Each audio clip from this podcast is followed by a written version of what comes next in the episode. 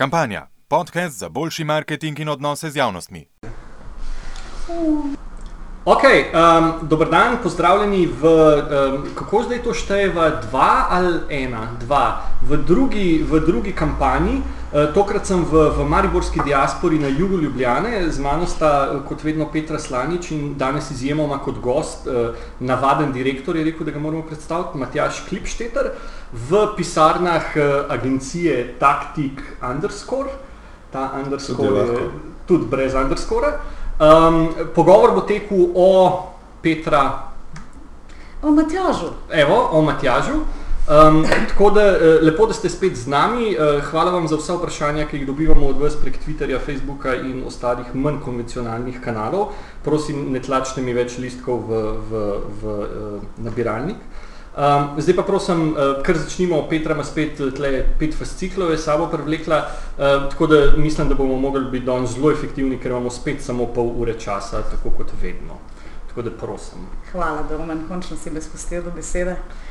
Matjaš, zdravo. Zdravo. Hvala, Petra. da si si vzel čas, da poklepetamo ob kavici. Začnimo pri tvoji biografiji. Prebrala sem na vaši spletni strani. In lahko preberemo, da si ekonomist in svetuješ podjetjem na področju integriranega komuniciranja. Res je. E, res je. Tvoje baze skozi koliko let karijere? Začel sem med vojno za osvoboditev, za samostojno Slovenijo. To so moja prva službena naloga je bila, da sem spremljal predstavnike Združenih narodov po Sloveniji po sedemdnevni vojni in jim razlagal, kje so potekali boji. Torej, tvoj, tvoja prva PR služba je bila pravzaprav pa da se... Taka nenavadna. Nenavadna, ja, ja, ja. nenavadna zelo poklipštetarsko, mm. moram reči. Ne? Uh, sicer so pa tvoje baze bile v bistvu zmeraj agencije, ne? Nisi nikoli prestopil na naročniško uh, stran, tukaj sami PR-ji se vrtijo, PR center, PR plus, PR izstop, Futura PR in zdaj taktik. Jaz sem ne, ne nehno na drugi strani, jaz sem ne nehno na strani naročnikov, tu sem samo v službi, delam pa pravzaprav koliko ne samo za njih. Veš, kaj te sprašujem, nikoli te ni premamlo, ni prišlo nikoli do ene take ponudbe, da bi nekdo si te želel za stratega v svojem podjetju in bi ti to sprejel? Uh, je bilo zelo blizu temu, da bi se no, prelevil v korporativnega PR-ovca, če temu tako lahko rečem ampak sem se takrat, to je bilo še v Mariboru, sem se zapletel z eno Ljubljančanko, mi naredil otroka in se odselil v Ljubljano. To je ta klasična zgodba o neuspehu, ne? Tako. Ljubljančanke, otroci in pa gre samo ja, še... Ja, gre samo še navzdol. Ja. No, pa je... Zim navzdol, po, proti morju. To. Proti morju, no ja, seveda, seveda. Ja, no, tudi to imaš napisano v svojem življenjepisu, da je resno vzgajaš svoje otroke in drevesa. Kaj Res s temi je. drevesi povej? Ali imaš mango, kje imaš drevesa? Ali je to nek pseudonim za, za unga otroka, ki je pač, ali, za, pač za, nepri, tak, za neprijavljenega, za yeah. točno nepriznanega? ne, eh, dejansko imam drevesa. Imamo v eh, stanovanju, kjer živim, imamo prav lepo teraso in na tej terasi je šest japonskih češnj, dve češki slivi in štirje bori. Odkot so pa bori? Po moje so romunski. Ampak nimam porekla, nimam, ti so tako ne divji bori. Pisana družbica na tvoji pisano, terasi. Pisano, pisano. Si lahko čisto sam v družbi svojih dreves, ne? In družine. In, in otrok, družine. in družine, in ljubljančanke.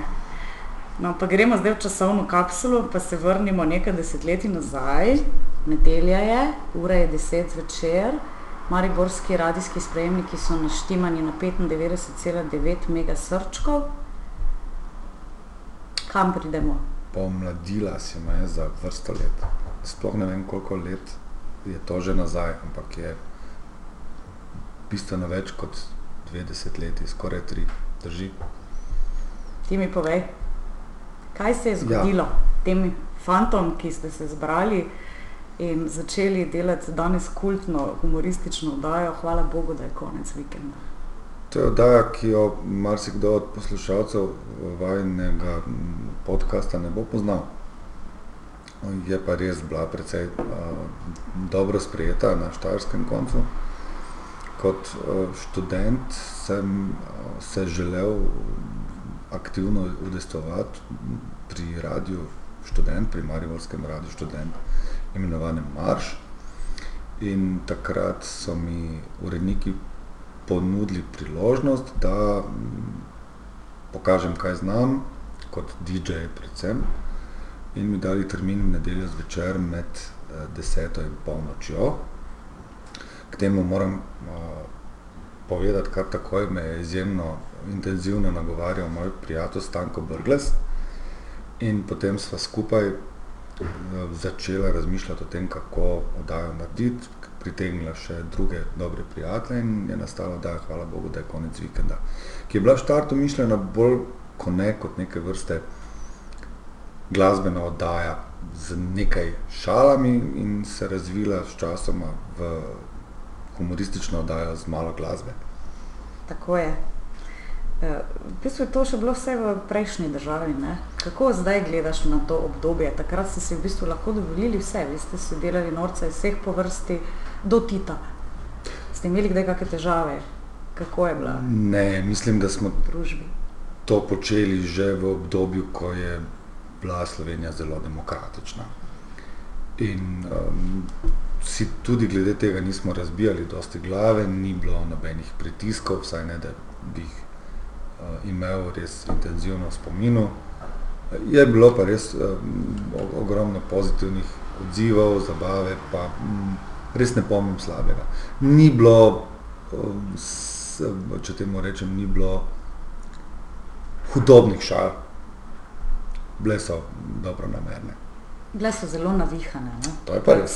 To pa drži. Tako, če vletim, ne, z enim podvprašanjem, kaj je bil v bistvu namen oziroma zakaj, okej, rekel si, da pač basically ste mogli neko, neko programsko shemo malo pofilati pa, pa ste, ste delali stvari, da vam ni bilo dolgčas. Kaj je bil namen? Predvsem je takrat glasba na Radiu Študent v Mariboru bila glasba, ki jo je bilo težko poslušati meni in mojim prijateljem. Bila je zelo alternativna, vse, kar ni bilo uspešno kjerkoli, je tam imelo svoje mesto. En izmed mojih prepirov je z uredniki in glasbenimi uredniki predvsem takrat, je tekel okrog tega, da ko ena glasbena skupina uspe, potem je na radiu, mariborskem Radiu Študent več ne vrtimo, kot na primer Utwo. Bili so super dolgo časa, dokler niso uspeli, potem so pa ratali obupno brezvezni. In mainstream In skratka ne, ne. ne samo tista plošča, ki je uspela, ki je omogočila Utwo prodor, ampak tudi vse tiste, ki so prej bile super in cel čas na programu. No, in uh, tu smo odpirali vrata tudi vsej ostali glasbi, jaz sem uh, velik ljubitelj glasbe in sem deloval kot glasbeni urednik tudi na, že pred tem vrsto let na Radiu Maribor, delal nočne programe tudi za v okviru tega za celo Slovenijo in me je to izjemno veselilo, tako da glasba je še zdaj moj pomemben hobi. Glasba je bila neki povod, pol se je pa tega nekako samo od sebe razvilo to, kar je nastalo, da smo, da se je pet prijateljev izjemno dobro zabavalo. Vse oddaje so bile v živo, nič nismo vnaprej posneli, in ker ni bilo igralcev med nami, ker smo bili pravzaprav sami amaterji, smo hitro ugotovili, da tisto, kar skušamo igrati, ne zveni dobro. In smo zato uporabljali samo forme, ki so omogočale pogovor. Jemali smo forme, kot je recimo okrogla miza, kot je intervju, kot je kviz, kjer si lahko improviziral, nisi rabil brati tekstov, nisi rabil igrati. In v tem smo bili dobri. Kako pol človek iz, iz takega zelo zabavnega, in jaz priznam, jaz sem v bistvu ta, hvala bogu, da je konec vikenda, pa pol neko reinkarnacijo, če temu tako rečemo, v Reporterju Milanu, a je tle neka star foter, sin Ne star foter, sin. Reporter Milan ustvarja ekipa, ki jo vodi Matjaž Šalman, je bil, on je bil sestavni del ekipe Hvala bogu, da je konec vikenda. In zelo uspešen in edini, ki je v tem radijskem okolju tudi kasneje ostal. On to počne še danes, v večih oblikah, je tudi stand-up komedijan, marsikaj je dobrega z ekipo svojo naredil. Mi pa smo skrenili v druge vode. Žal, mm. se še vedno rad šalim in se dosti krat tudi v tej ekipi šalimo, ne pa mm, online oziroma po, po etru. V vodu smo pozabili povedati, da to snemamo 20. maja, ko je v, v Portorožu eh, največji marketinški, PR-ovski, ne vem kakšen dogodek NT konferenca. Pa me samo tako zanima, pač v korelaciji s tem, kako gre človek iz, iz tako če bi imel zabavnost, hvala Bogu, da je konec vikenda, bi rekel tam okoli 100-110. Kako gre, pa, kako gre pa človek v neko PR sceno, kjer je zabavnost kot minus dve na dober dan? Zakaj PR v Sloveniji ni bolj zabaven, bolj, bolj tak kot recimo neke vrste, hvala Bogu, da je konec vikenda? Vsaka okoliščina terja neke določene norme. Mislim, da in, uh, pogreb recimo, ni, naj ne bi bil zelo zabavna stvar. Okay. Zato redko kdaj v našem okolju m, igrajo na pogrebih poskočnice. Ja. Če greš v New Orleans, tam je to sestavni del obreda in velika veselica. Vsak dober pogreb je dobra veselica. Yes. Pri nas se katera sedmina razvije v zelo prijetno spominjanje na pokojnika. Uh, zdaj ne, nočem to povezati z eno konferenco. Zanimivo, zanimivo si izbral. Pač, hočem, hočem povedati, da vsak dogodek terja neko določeno obnašanje in vsak dogodek pa rabi nek support uh. -huh. in nekdo to mora početi.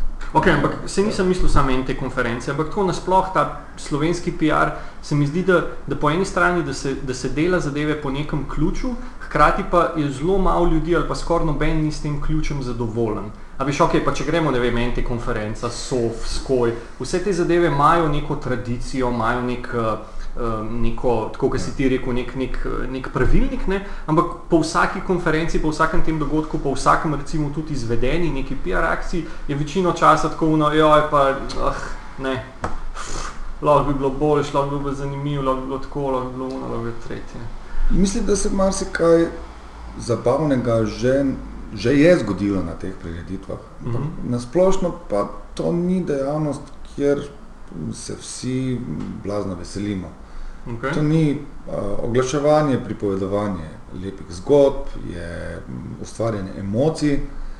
Pri odnosih z javnostmi pa ni vedno nujno, da so tu emocije v prvi vrsti, ampak gre za to, da ti moraš prikazati svojo plat, da moraš prika prikazati tudi um, zagovarjati, kdaj tudi, um, bomo temu rekli, žalostne stvari. Uh -huh. Recimo pogreb ali pa stečaj. In to ni nekaj, kar ljudje, ljudem omogoča, da se zabavajo. Uh -huh. Jaz, lahko, jaz recimo lahko o tem na zabaven način predavam, um, ko pa to počnem, pa res ni zabavno. Ok, ampak dobro, se nisem rekel, da bi se mogli zdaj ne vem, norca delati iz vsega, ampak da recimo tudi te recimo zabavne ali pa neke vesele stvari, neke, ne vem, neke uspehe, da, da je mogoče sinonim to, da če se bomo o neki zadevi hecali, da jo bomo avtomatično degradirali oziroma da se, da se tudi, a veš, o uspehih ne, ne smemo pogovarjati preveč na tako neresen, šaljiv način, ker bo to pomenilo, da, da mi tega ne jemljemo dovolj resno, tudi v komuniciranju recimo. Recimo ti bom dal en primer, ki je, pred, pred, ki je bila cela afera okoli tega pač v, v tujini oziroma na tej globalni ravni, ko je nek uh, novinar, uh, mislim, da je bil ta, ne ISP, nek, en, en novinar, ta MSNBC recimo, je vprašal Google oziroma je poslal na Google vprašanje, uh, ali vi, ali Googlovci z YouTubeom resno mislite konkurirati ESPN-u pri live streamu športnih dogodkov. -huh. ne? In so potem uh, YouTuberji oziroma Googlovci odgovorili z enim, ne vem, če si to videl, z enim animiranim gifom, ga bomo dali v link, pa članek v, v zapisnik tega, tega podcasta, ampak z enim animiranim gifom neke punčke, ki tam dela tako. V smislu, Razumem. what the fuck si me zdaj vprašal. Okay? In če si zdaj to predstavljaš, da bi neki tazga, se pravi, da bi YouTube oziroma Google, se pravi, ekvivalent slovenske firme, ne vem, Krka ali pa ne vem kaj, na tak šaljiv način odgovoril na neko resno novinarsko vprašanje oziroma na nek, ne, to, to je zame tako ne nepredstavljivo, ampak sploh si ne morem predstavljati, da si tega ne morem predstavljati.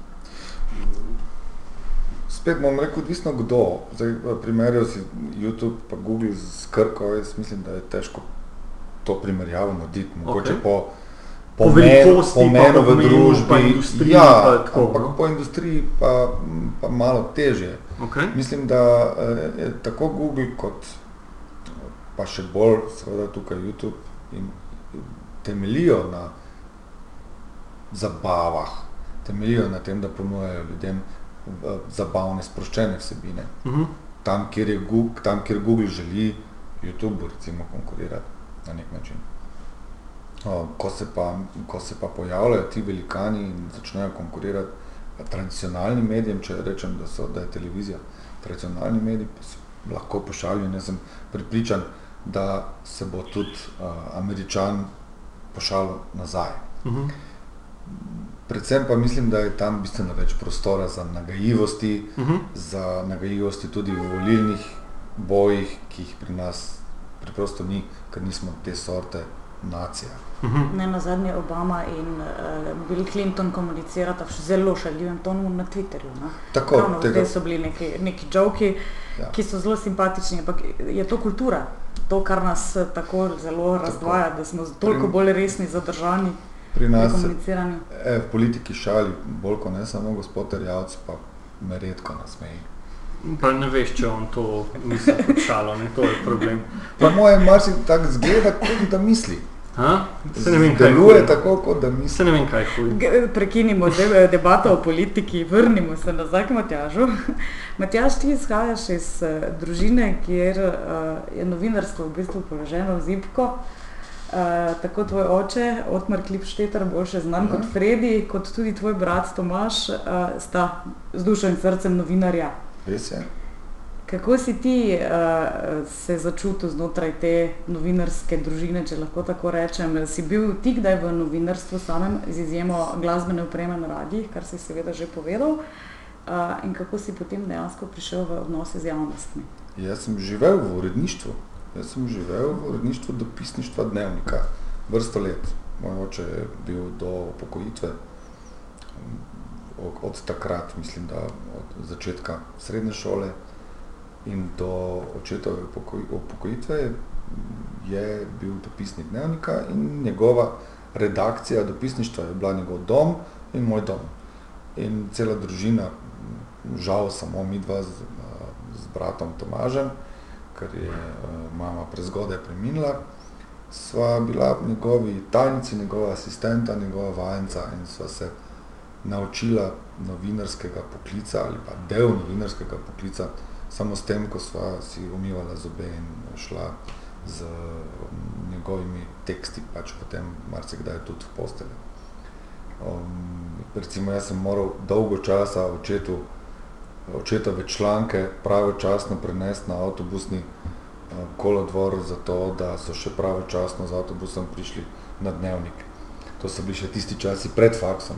Potem sem hitel, da sem jih pravi čas poslal na faks, potem sem pa očeta naučil pošiljati elektronsko pošto še z Spektrumom ZX, Commodorem in Atarijem in potem prvim PC-jem, ki ga je dobil od službe. Pa, pa če se tle navežem spet, ker si dal tako krasno istočnico, pač koliko je, koliko vas je v bistvu ta tehnologija, PR-ovce, pa marketingaše, pa v bistvu vse te, ki se recimo, da nekako spadate pod to kampanja, kampanja Umbrello, koliko vas je v bistvu ta tehnologija rukalna v smislu, da ojoj, kaj pa zdaj, zdaj pa ni več avtobus, pa članki, pa laufat na kolodvor, zdaj je pa kar naenkrat ful več enih kanalov, ful več enih spremenjenih načinov obnašanja, animirani gifi, uh, ne vem. Meni se zdi ključno mogoče iz PR-ovskega vidika to, da eh, so stvari out in the open, so javne. Zelo težko je karkoli skriti, kar pa bi naročniki veliko krat si želeli, da oni kontrolirajo komunikacijo, da stvari grejo iz enega vira. Tukaj pa zdaj smo naenkrat na enem trgu, kjer smo vsi ljudje, ki imamo neko svoje mnenje, ki ga mogoče prej naročnik ni slišal. Medijev je več. Če govorimo o o social mediji, je samo še medij ali pa dosti medijev več in mi se moramo temu znati prilagoditi. In smo se prilagajali z, obdob, z obdobjem pojava interneta, z razcvetom vseh uh, teh novatarij, ki so danes tu, ene bodo živele dlje, ene so že za nami, so že zašle, enim smo napovedovali bistveno več uspešnosti, pa se niso prijele, spomnimo se. Second Life, recimo. Okay, sem mislil, da boš rekel ja. bloge, ampak Second tudi, Life, okay, ne, ne, blog, blogi so tu in so živi in spreminjajo spet tako kot eh, novinarstvo svojo obliko in podobo, ampak obstajajo ja. in mi jih zelo resno jemljemo. Yes. Uh, tako bloge, blogerje, mikroblogerje, to so ljudje, ki si želijo informacije tako ali drugače prezentirati drugim in tretjim in so za nas zaradi tega zanimivi. Um, predvsem gre za um, hitrost. Okay. Ta need for speed je tisti, ki nas dela um, nervozne, ki nas dela, um, pot, ki dela potrebo po tem, da smo bolj razpoložljivi ali pa da smo sami bolj odprti, kot bi si želeli biti.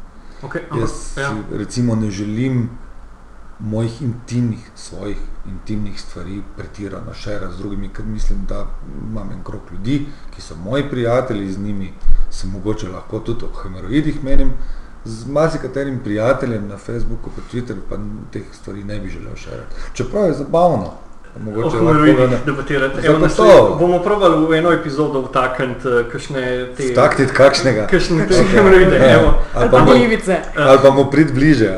Pazi zdaj to vprašanje, pač s to hitrostjo. Ne? Jaz mislim, da se, da se hitrost nekako odziva, mislim, da se hitrost odziva enači s kvalitetnim odzivom oziroma da je to, da si hiter, da hkrati pomeni tudi, da si dober.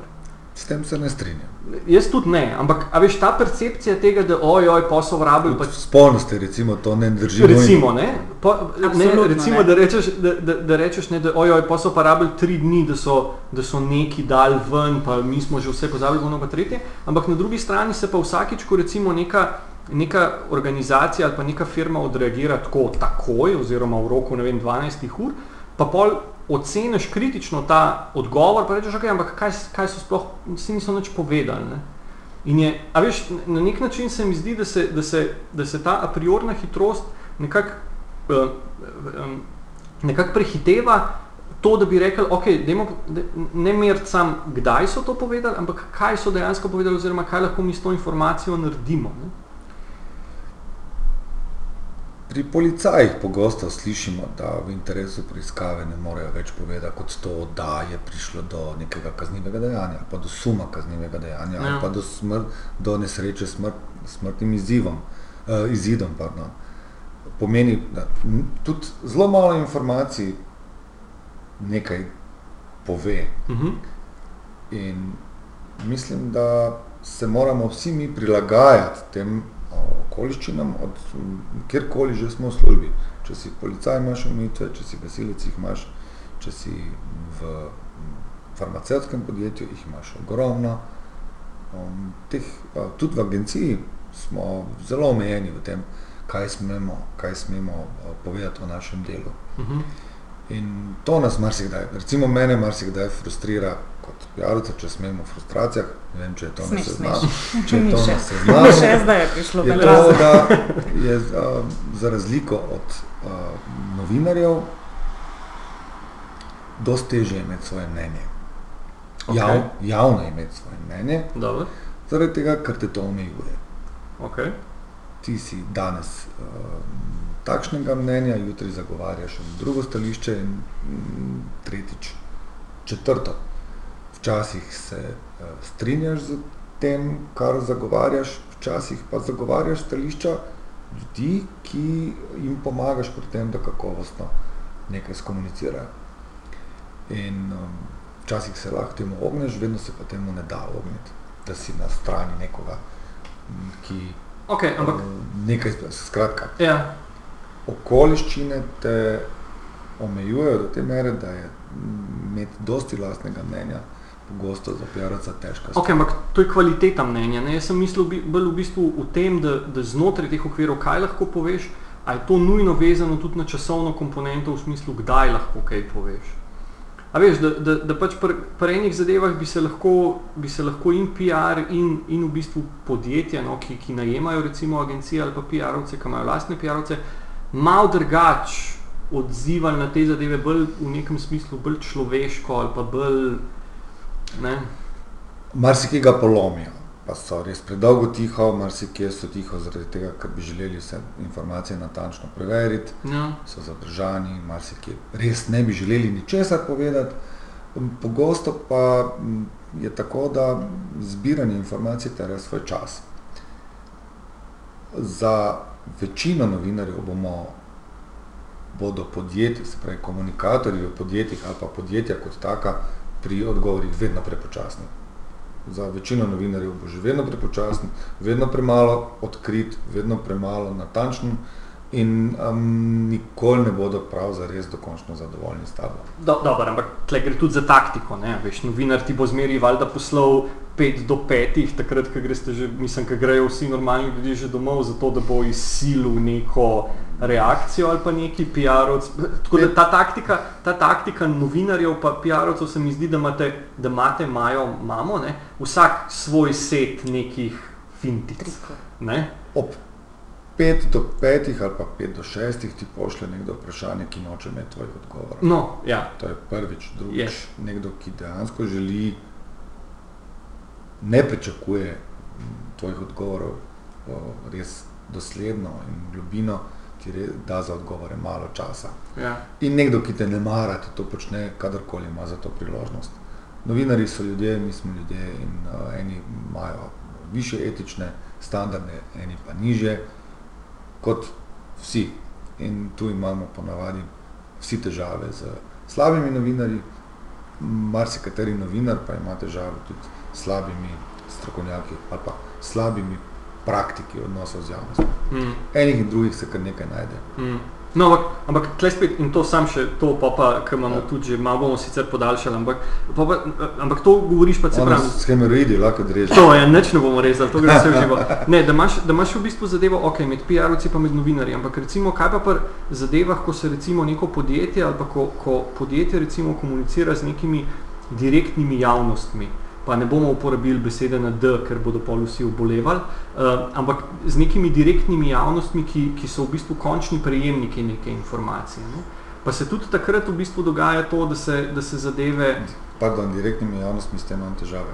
Pač, ja, mislim, ne med, ne med novinarji, pa, ne med medijem, pa nekim podjetjem. Naprimer ampak- med uh, podjetjem in delničarji, Recimo, podjetjem tako. in zaposlenimi. Tako, nisem hotel okay. besede deležniki uporabiti, zato ker vsi danes na NTK konferenci obolevajo in ja, Ampak vse deležniki je dobro definirati tisto, kar to je. Uh, mi, mi se tem besedam opiramo, je pač mm, zelo hecen prevod. Ja.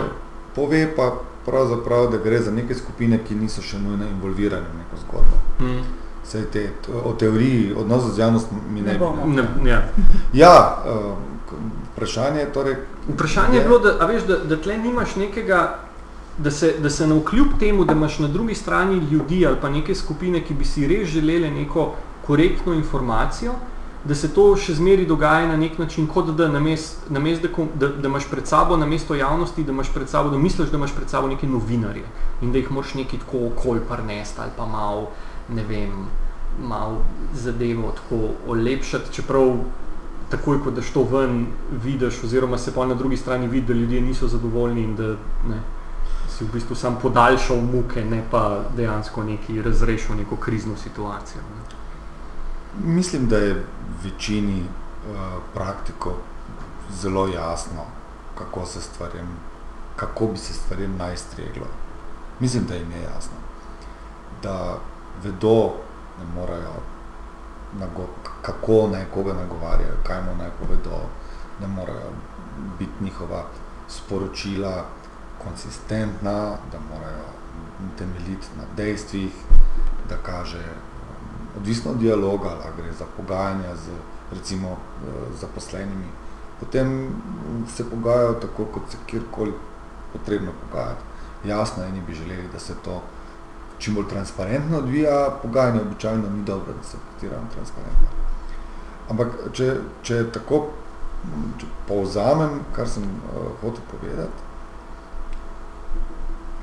mislim, da dobro vemo, kako, je, kako se temu streže, eni pač preprosto tega ne želijo početi. Okay. Zakaj ne?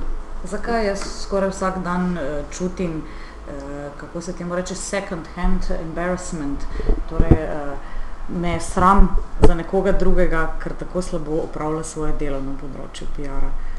Zakaj se to dogaja? Zakaj leta 2015 govorimo o tem, da nekdo ne zna napisati normalnega odgovora novinarju na vprašanje? Zato, ker so vsi PR-ovci ali zato, ker mi ne znamo kot stroka si nekih standardov postaviti in uh, obsoditi jasno in glasno slabe prakse, ki meče slabo luč na vse nas, kam gremo, kam gre ta barka. Pa, pa če še jaz lahko samo skočim, ker boš po mojem na isto stvar odgovoril. V bistvu, ko se pogovarja z novinarji, ne, vsi obolevajo zaradi teh press releaseov. Vsi tako, tako, first rule of press release is, noben ne bere press releaseov tako slišim iz novinarskih vrst, oziroma sploh recimo iz novinarskih vrst, ki smo bili začeli, pa niso sponzor, wink wink, uh, eh, NTK konferenco, ne, da v bistvu da ta uh, tech journalizem oziroma to novinarstvo, ki se ukvarja v bistvu s to neko informacijsko ja. to, ne, da to je uno največja bolečina brati te, te res ne. Poetične presrelise. Yes, o, o neki novi, da ne rečem, eh, zaponki za uro ali pa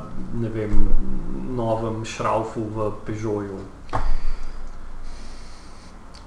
Mislim, da je tako kot povsod drugot res, da je v Sloveniji iz veliko izvrstnih komunikatorjev. Veliko je zelo dobrih komunikatorjev, je pa tudi veliko slabih. In slabi nas spravljajo v slabo voljo, trg jih izloča počasneje ali sploh ne standarde si je izjemno težko postaviti, sploh v času, ko so razmere na trgu, razmere na trgu delovne sile nenaklonjene ljudem. Takrat si vsak išče svoj mm, prostor pod soncem in kruh in mu je to vendarle treba dovoliti. Ponekod so standardi višji, ponekod so poskušali z certifikat, z certificiranjem, kot naprimer v Veliki Britaniji. Pa mislim, da tam tudi marsikateri um, praktik slab. Amerika je mati odnosov z javnostmi in tam je obupno slabih PR-ovcev. Obupno dosti jih je, ki ga zelo lomijo. Mislim, da je tako kot pri nogometu. Samo nekaj je Ronaldov, nekaj je res izjemnih košarkarjev, plavalcev, smučarjev, en kup je pa kar dobrih, en kup pa sploh ne zna. Mislim, da boš rekel, da je pri futbalu nekaj izjemnih plavalcev. Ne, ne, mislim, še da se najde kakšen, dva, dva trije. Pa, pa sem še to, ne, da, da, da ta zadeva, pač, to si zdaj omenil, nek, recimo, da, da si kot izgovor ali kot razlog za, za padanje kvalitete pač omenil recimo, to uh, gospodarsko krizo. Ampak ta zadeva je bila tudi prej recimo, prisotna. Oziroma ni to, da so pa zdaj rekli, ok, zdaj pa gospodarska kriza, zdaj pa prosim, sam še bullshit PR press release ven. Uh, To, to je bilo meni se zdi. Ne vem, zakaj se tako na te presrilise obešate. Jaz se trudim vedno in se vedno bom, da z naše hiše oziroma z hiše naših naročnikov gredo dobri teksti, okay. ki so smiselni, ki, bo, ki bodo pritegnili pozornost novinarja z naslovom, z headlinom, ne na zadnje z vsebino. In um, na svet je vedno v tej smeri, ne pošiljaj informacij, ki nobenega ne zanimajo, oziroma ne pošiljajo vsebin, ki nobenega ne zanimajo. Včasih je tudi tu treba kaj pogodniti, včasih eh, gre z hiše kaj takšnega, kar si ne zasluži tega, da bi kdorkoli drugi še to prebral, razen tistega, ki je to napisal. Ampak v večini primerov pa so novinari bolj kritični do nas, kot so do sebe. In marsikateri tekst, ki je prišel iz uh, hiš, iz, ali pa izpod peres tipkovnic PR-ovcev najde mesto uredniški, na uredniških straneh ali pa v uredniškem času brez podpisa, nelektorirano, nelektorirano kakorkoli, yeah. Ja. um, pride, pride v veter. Tako da mislim, da je resnica oziroma Ne reči resnica je nekje vmes. Res, ne, ne bom rekel, da je vmes resnica, ampak uh, mogoče lažje povem, najdejo se podobni. Na, na eni in drugi strani imaš kekce. Tako, to je res. Okay. No, pa, pa zaključimo v eh, duhu naj, najnega slogana, torej za boljši PR in marketing. Kaj pa lahko naredimo, da bi se ljudje, ki se ukvarjajo z odnosi z javnostmi in z marketingom, naučili, ker imam občutek, da je problem pri osnovnih obrtniških stvarih, kot so tako spet ta presneti press release in priprava recimo konkretne dreme novinarjev, tudi to, da ti odličen press release pošlješ vsem novinarjem v državi, ni ničemor podobno. Uh, so, katera izobraževanja bi mogoče ti izpostavil, kam hodiš ti? Imamo milijon konferenc, ki se ukvarjajo, kongresov, kaj zvem česa, ki se ukvarjajo s temami iz naših področji, torej iz poslovnega komuniciranja. Kam bi ti poslal mogoče nekoga, ki začenja s, s prakso uh, in se zaveda, da mu manjka neke, neke substance, neke osnove? Šol z tega področja ne pozna. O tem težko sodim. Vidim mlade ljudi, ki prihajajo k nam kot uh, študenti, asistenti na prakse, ki z nami um, začne, ki tukaj začnejo svojo kariero ali pri katerem od naročnikov uh, začnejo z, svoj, svojo profesionalno pot in vidim, da jim manjka praktičnih izkušenj. Torej, fakultete, ki izobražujejo za ta poklic, ne dajo veliko praktičnega znanja. In da je že, menim, da je že naloga uh, faksov dati novinarjem, uh, komunikatorjem, marketingerjem v času študija možnosti, da bistveno več praktičnih znanj pridobijo. Torej, kaj bi rekel, napotil bi jih nazaj v šole, bi rekel, profesor, zahtevajte od vaših profesorjev več praktičnega znanja. Če ga ni, naj se potrudijo, poiskati ta znanja za vas, tam, kjer obstajajo, v podjetjih, v agencijah, v ustanovah, um, v državni upravi. Mar si kje najdeš dobre ljudi, ki ti znajo kaj povedati. Druga stvar je seveda inicijativa. Danes dobiti dobro znanje o tem, kako se naša dejavnost upravlja, ni problem. Tisoč in en dober primer dobiš na, na dlani. Na, torej, radovednost, spet na pri tem, kaj nekdo želi, Tako, ne? koliko nekdo je pripravljen investirati svoje učenje. Točno. Svoje Mislim, da je vsem v tem odgovor.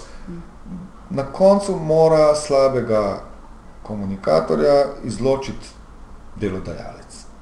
Če nekdo slabo dela, ga je treba odsloviti. Enako velja za slabega direktorja, slabega novinarja, slabega, slabo čistilko. Če slabo spucaš, nimaš tukaj iskati. Kam pa greš ti še dan danes iskati znanje? Uh, zanimivo vprašanje. Uh, ogromno se vedno naučim od mojih poslovnih partnerjev, naročnikov. Vsak nov naročnik je zame nekaj novega znanja. Uh, veliko se naučim od pogovorov z njimi, spravi, o dejavnostih, s, kateri so, s katerimi se ukvarjajo. Vsak primer nudi kak nov izziv. Veliko pa dobim tudi informacij od kolegov z drugih držav, s katerimi sodelujemo, z pogovora spet. E, veliko pa preberem. Je pa res, da izzive iščem v temu rečem so sorodnih dejavnostih, kot so neuroznanost, kot so psihologija, kot je govorništvo. To so vsebine, ki me eh, zdaj vznemirjajo in me bogatijo, zaradi tega sem potem boljši tudi v tem, kar počnem za uh, vsakdanji kruh. In mislim, da ne bom kam dost stran od tega pobegnil, to me kar veseli, to rad počnem. Manj rad sem direktor, dost raje delam na projektih. Evo nas, dragi moji, prišli smo točno 10 minut čez uro. Hvala Matjažu, ki je bil naš gost. Hvala Petri z fascikli vprašanj. Hvala Saviču, da ni preveč uh, uničil debate. Res to je bila hvala. res hvala. To je, dajmo, dajmo vsi tri aplauze Saviča. Bravo, bravo. Um, to je bil drugi, tretji, drugi. Drugi, ki se dela, da je tretji. Drugi, ki se dela, da je tretji del kampanje. Slišimo in vidimo se čez en mesec.